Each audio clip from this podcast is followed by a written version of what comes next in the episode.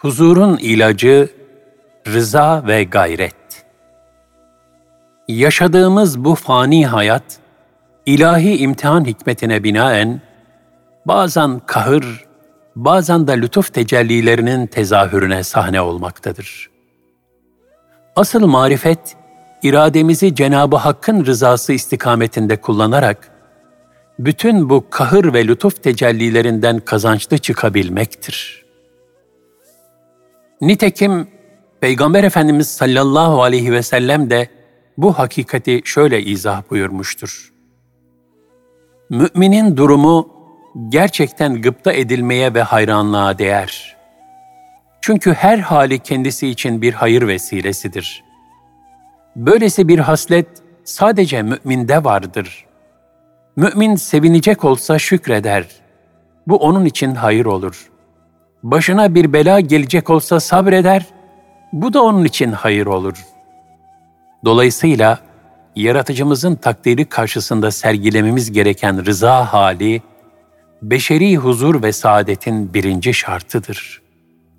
İkincisi ise hayatı kuşatan şartların ağırlığına rağmen düzelebilecek olan menfilikleri düzeltme gayreti peşinde koşmaktır. Bu da hayat ve hadiseler içerisinde beşeri irade ve gayrete mevzu teşkil eden bazı hususların yani kaderi muallakın da bulunduğunu gösterir. İnsanın böyle bir gayret içinde bulunması aynı zamanda irade sahibi olmasının bir icabıdır. Yoksa hayatta hiçbir menfiiliğin düzeltilemeyeceği şeklinde bir fikre kapılmak, insanlığı ümitsizlik ve karamsarlığa, bunun neticesinde de atalete, tembelliğe sevk eder. Yani ne yapalım kaderim böyleymiş diyerek iradeyi izhar etmemek gibi bir atalet doğurur. Bununsa insanoğlunun yaratılıştan donatıldığı üstün meziyetler göz önünde tutulduğunda, abesle iştigalden başka bir şey olmadığı açıkça anlaşılır. Nitekim Batılıların fatalizm dedikleri de kaderin böyle yanlış anlaşılmasından başka bir şey değildir. Çünkü İslam'da kaderin bir muallak kısmı vardır ki, o da beşeri iradenin tezahürlerine göre şekillenir. Yani bazı fiiller kulun dilemesi neticesinde halk edilir. Yoksa amentü esaslarından biri olan hayrihi ve şerrihi minallahi teala hayır ve şer Allah Teala'dandır ifadesi her şeyi hiç değişmeyecek şekilde Allah'ın tayin ettiği manasında değildir. Bu her oluşta Allah'ın iradesinin mevcut olduğunu, onun bilgisi ve iradesi bulunmaksızın hiçbir şeyin gerçekleşemeyeceğini ifade eder. Şayet bir fiilde Allah'ın iradesi dilemesi evvel, kulun faaliyeti sonra ve ona ilaveten gerçekleşirse bu kaderi mutlaktır. Doğum, ölüm, ırk, ömrün uzunluğu veya kısalığı gibi. Bu keyfiyetler asla değiştirilemez. Lakin bundan dolayı da kula ahirette bir mükafat veya mücazat söz konusu olmaz. Bu gibi vakalar ancak kulun ahiretteki mesuliyet miktarının belirlenmesinde bir esas teşkil eder. Bununla birlikte Cenab-ı Hak, cüz'i bir irade ile teciz buyurduğu insanlara ve cinlere, bazı hususlarda belli bir hareket serbestliği tanımıştır. Bu durum, kulun tercihinin Allah'ın izniyle gerçekleşmesini ifade eder ve buna kaderi muallak denir. Böyle bir mesuliyet sahası mevcut olduğu içindir ki Peygamber Efendimiz sallallahu aleyhi ve sellem hayattaki menfiiliklerin ıslahı yolunda sayu gayret talimatını beşeriyete ferman buyurmuştur. Hayattaki menfiiliklerin ıslahı yolunda sayu gayret talimatını beşeriyete ferman buyurmuştur. Bu durumu şu misalle izah edebiliriz. Bir baba çocuğunu bir oyuncak dükkanına götürse ve ona bu dükkandan beğendiğin oyuncağı al, istediğini almakta serbestsin dese. Fakat babalık şefkatiyle de bu oyuncakların faydalı ve zararlı olanlarını peşinen beyan edip sonra onu serbest bıraksa. Çocuk kendisi için zararlı bir oyuncak seçtiği takdirde dilerse parayı ödemeyerek onun iradesini neticesiz bırakır Dilerse başlangıçtaki vaadi icabı olarak al o oyuncağı da seni ikaz ettiğim zararla karşılaş da diyebilir. Bu alem zikrettiğimiz misaldeki oyuncak dükkanı gibidir. Biz de o çocuğa benzeriz. Allah Teala'nın peygamberler ve kitaplar göndermek suretiyle bize yaptığı yardım da la teşbih ve la temsil yani benzetmek gibi olmasın, o merhametli babanın ikazı gibidir. Külli irade kendinde olduğundan Cenab-ı Hakk'ın kulun fiiline Halik sıfatıyla dahil olup onu yaratması, babanın parayı vererek çocuğun arzusunun gerçekleşmesini sağlamasına benzer. Bazen arzu edip sebeplerine de riayet ettiğimiz halde gerçekleştiremediğimiz hadiseler karşısındaki durumumuz da böyledir. Bütün bu keyfiyetler daha önce de izah etmiş olduğumuz üzere insanlar ve cinlerin imtihan edilmek üzere yaratılmış olmasının bir neticesidir.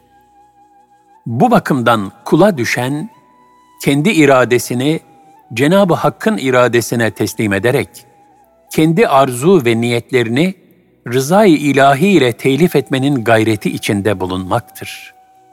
Çünkü ayet-i kerimede buyurulduğu üzere sizin için daha hayırlı olduğu halde bir şeyi sevmemeniz mümkündür.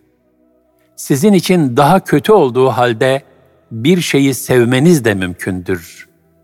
Allah bilir. Siz bilmezsiniz. El-Bakara 216 Karınca aklınca Filiberi Ahmet Hilmi'nin Amak-ı Hayal adlı eserinde beşeri aklın kifayetsizliğine dair bir hikaye daha vardır. Yine hülasaten naklettiğimiz bu hikayede de Raci, uzun bir müddet görüşemediği Aynalı Baba'yı ziyaret eder. Aynalı Baba kısa bir hasbihalden sonra ona mutadı olduğu üzere bir kahve ikram eder ve ney üfler. Raci bu neyi dinlerken yine hayal aleminin derinliklerine dalıp gider ve bir rüya görür. Esasen hayat da bir nevi rüyadan ibarettir. Rüyasında kendisi güya karınca beylerinden birinin şehzadesiymiş. Sarayda hususi muallimlerle yetiştirilmekteyken bir gün kendisine coğrafya dersi veren karınca hoca, bey babasından izin alarak onu tatbiki, uygulamalı bir coğrafya dersi için araziye çıkarır. Günlük güneşlik bir hava vardır. Muallim efendi şurada şu dağ var, burada bu nehir var diye izahatta bulunurken, aniden gök gürler ve şiddetli bir sağanak seli karıncaları önüne katıp sürüklemeye başlar. Hem insan hem de karınca idrakine sahip olan Raci, o anda insan nazarıyla neler olduğuna bakınca görür ki, karıncaların gök gürlemesi zannettiği şey, yakınlarında yem yiyen iki yorgun beygirin kişnemeleri sağanak yağmursa onların anlaşmışlar gibi aynı anda yaptıkları idrardan başka bir şey değildir. Bu felaketten kurtulabilen karıncalar hocalarıyla mektebe dönerler. Herkes böyle günlük güneşlik bir havada bu hadisenin nasıl vaki olduğunu izah sadedinde, karınca idraki ile gayet ilmi ve mantıki izahlarda bulunur. Fakat bunların hiçbirinin hakikatle alakası yoktur raci insan nazarıyla da bakabildiği için daha geniş bir ufuktan görmüş olduklarını anlatsa kimsenin inanmayacağını bilir. Bu sebeple hakikatle alakası olmayan bu sözleri sabırla dinlerken bir anda yorgun beygirlerin hali gözünün önüne geliverir. Uzun bir kahkaha ile daldığı hayal aleminden uyanır. Görür ki aynalı babada gülerek bir şiir mırıldanmaktadır.'' Güneş yanar, alem döner. Bir gün gelir hepsi söner. Ey sahibi ilmi hüner, bilir misin sebebi kim? Bu hikmetli hikayenin de ifade ettiği üzere, kainattaki sonsuz hakikatlerin künhüne vakıf olmak itibariyle, beşeri aklın da o karıncalardan bir farkı yoktur.'' nübüvvet nuruyla haberdar olunabilen hakikatlerden ve vahyin rehberliğinden mahrum bir insanın aklı, kainatta sergilenen ilahi kudret ve azamet tecellilerini idrak hususunda o karıncaların idrakinden farksızdır. Burada şunu da ilave edelim ki, Allah Teala'nın beşeriyete olan rahmet ve ihsanlarının bir tezahürü de rüyalardır. Zira hayatın metafizik hakikatlerine zihnen ulaşabilmemiz için rüya bir rehberdir. Çünkü rüyada hayatta gerçekleşmesi mümkün olmayan nice hadise cereyan eder. Bu da bize ahiret ahvali hakkındaki İslami beyanların doğruluğunu daha kolay idrak edebilme imkanı sağlar. Peygamberler ve onların izinden yürüyen salih zatların dışında insanlığa kurtuluş yolunu göstermek ve onlara örnek birer rehber olmak iddiasındaki bütün insanlar ve bilhassa her şeyi kendi akıllarıyla izaha kalkışan felsefeler bu karınca hikayesinde olduğu gibi daima kifayetsizdirler. Peygamberler ilahi vahye istinad ettikleri için birbirlerini tasdik eden hidayet rehberleri olarak gelmişlerdir. Felsefelersa teyidi ilahiden mahrum oldukları ve manevi terbiyeden geçmemiş olan nefislerinin sultası altındaki kifayetsiz akıllarıyla tefekkür ettikleri için daima birbirlerinin sistemlerini çürüterek ve birbirlerini tekzip ederek ömürlerini ziyan etmişlerdir. Nitekim felsefi girdaplar içinde bir hayli ömür tükettikten sonra aklın kifayetsizliğini kavrayarak derin bir mistik arayışa yönelen Pascal der ki, felsefe hep itibari, izafi, subjektif görüşler ortaya koyar. Mesela Pirene dağlarının bu tarafında hakikat denilen şeye, öbür tarafında hata deniliyor. Hududu teşkil eden nehrin bu yanında adam öldürene cani, öte yanında ise kahraman deniliyor. Vapur kaçtıktan sonra akıl neye yarar? Felsefi düşünce mahsullerinin bütünüyle yanlış olduğu söylenemez. Zira filozoflar da hayat ve kainatı müşahede, muhakeme ve tefekkür edişlerindeki isabetleri ölçüsünde bazı doğrulara da ulaşabilmektedirler. Mesela modern felsefenin ve rasyonalizmin babası sayılan matematikçi ve filozof Descartes'in varlık delilinden hareketle yaptığı akıl yürütmelerle vardığı netice de hakikatin temel kaynağının vahiy ilahi olduğunu kabul etmenin zaruretini ifade etmektedir. Metafizik Düşünceler adlı eserinde Descartes diyor ki, Allah mükemmel ve noksansız, yanılmaz ve yanıltmaz bir varlıktır. Buna göre onun bilgisi de noksansız olup doğrudur. Allah mükemmel olduğu için yanılmaz, yanılmadığına göre bilgisi doğru, yanıltmadığına göre bildirdiği de doğrudur. Ben kainatı yarattım diyorsa yaratmıştır. Bu doğrudur. Öyleyse kesin bilginin kaynağı Allah'ın doğru bilgisidir.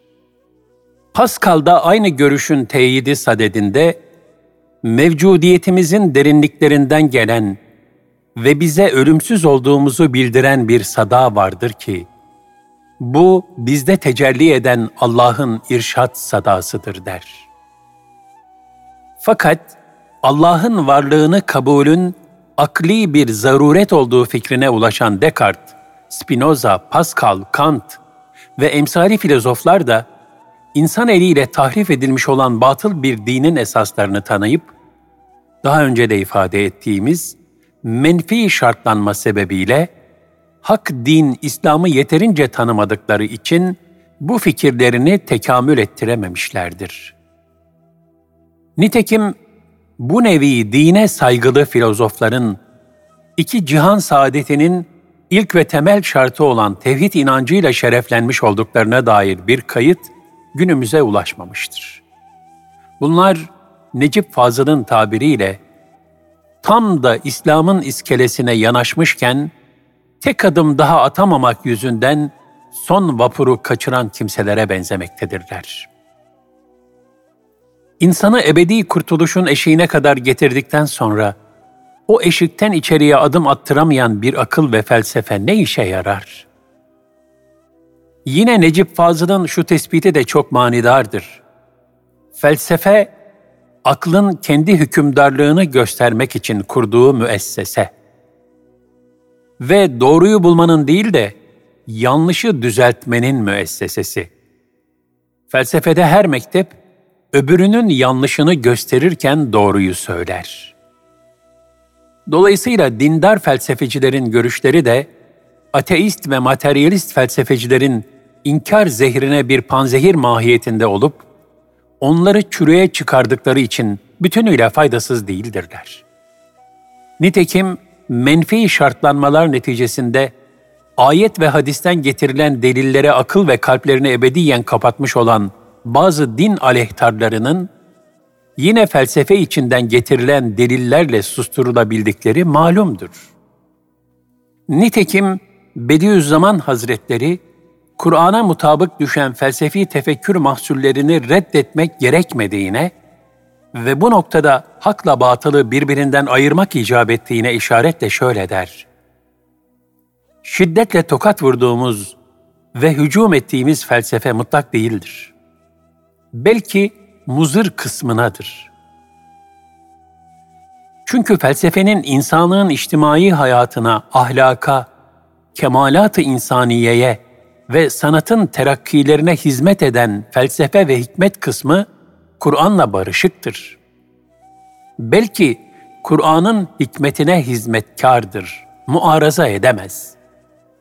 İkinci kısım felsefe ise dalalete, ilhada ve tabiat bataklığına düşürmeye vesile olduğu gibi, sefahat ve lehviyatla gaflet ve dalaleti netice verdiğinden, ve sihir gibi harikalarıyla Kur'an'ın mucizekar hakikatleriyle çatıştığı için yazdığımız eserler mizanlarla, kuvvetli ve bürhanlı muvazenelerle felsefenin yoldan çıkmış bir kısmına ilişiyor, tokatlıyor. Müstakim ve menfaatdar felsefeye ise ilişmiyor. Felsefenin ruhsuz sönük hakikatleri Kur'an'ın parlak ruhlu hakikatleriyle müsaademe edemez. Diğer taraftan ehli sünnet inancına göre akıl, Allah'ın sadece varlığını idrak etmekte kifayetlidir. Bundan ötesi için, yani Allah'ın zati ve sübuti sıfatlarını kavramak, onun müteal yani her türlü noksan sıfatlardan münezzeh, bütün kemal sıfatlarla muttasıf, ve idrak ötesi mükemmellikte yegane ilah olduğuna inanmak ve yine onun insanlığa tebliğ ettiği hakikatleri bulmak hususunda yetersiz kabul edilir. Nasıl ki duyu organlarımızla kavrayamadığımız bazı şeyleri aklımızla idrak edebiliyorsak, aklın idrak edemediği bazı şeyleri de ancak peygamberlerin tebliği vasıtasıyla idrak edebiliriz. Buna bir misal sadedinde İmam Rabbani Hazretleri şöyle buyurur. Nimet verene şükretmemizin gerekli olduğunu akıl kabul eder. Fakat bu şükrün nasıl ifa edileceğini bize ancak peygamberler öğretebilir. Allah katından öğrenilmeyen saygı ve şükür ifadeleri hak katında geçerli değildir. Çoğu kere insan Allah'ı yüceltmek maksadıyla bazı sözler sarf eder. Fakat bunlarla Allah'ı yüceltmek şöyle dursun, gerçekte alçaltmış olur. Allah'a nasıl şükredeceğimizi öğrenmemizin tek yolu vahiydir. Dolayısıyla akıl vahyin yardımına mutlak surette muhtaçtır. Bu ilahi yardım olmazsa insanoğlunun idraki kemale eremez ve tezatlara sürüklenmekten, yanlış yollara sapmaktan kurtulamaz.'' Dolayısıyla dini inkar eden ateist ve materyalist felsefeciler bir tarafa, dine ehemmiyet veren felsefecilerin fikirlerinin de İslami hakikatlerle mizan edilerek doğrularının yanlışlarından ayırt edilmesi gereklidir.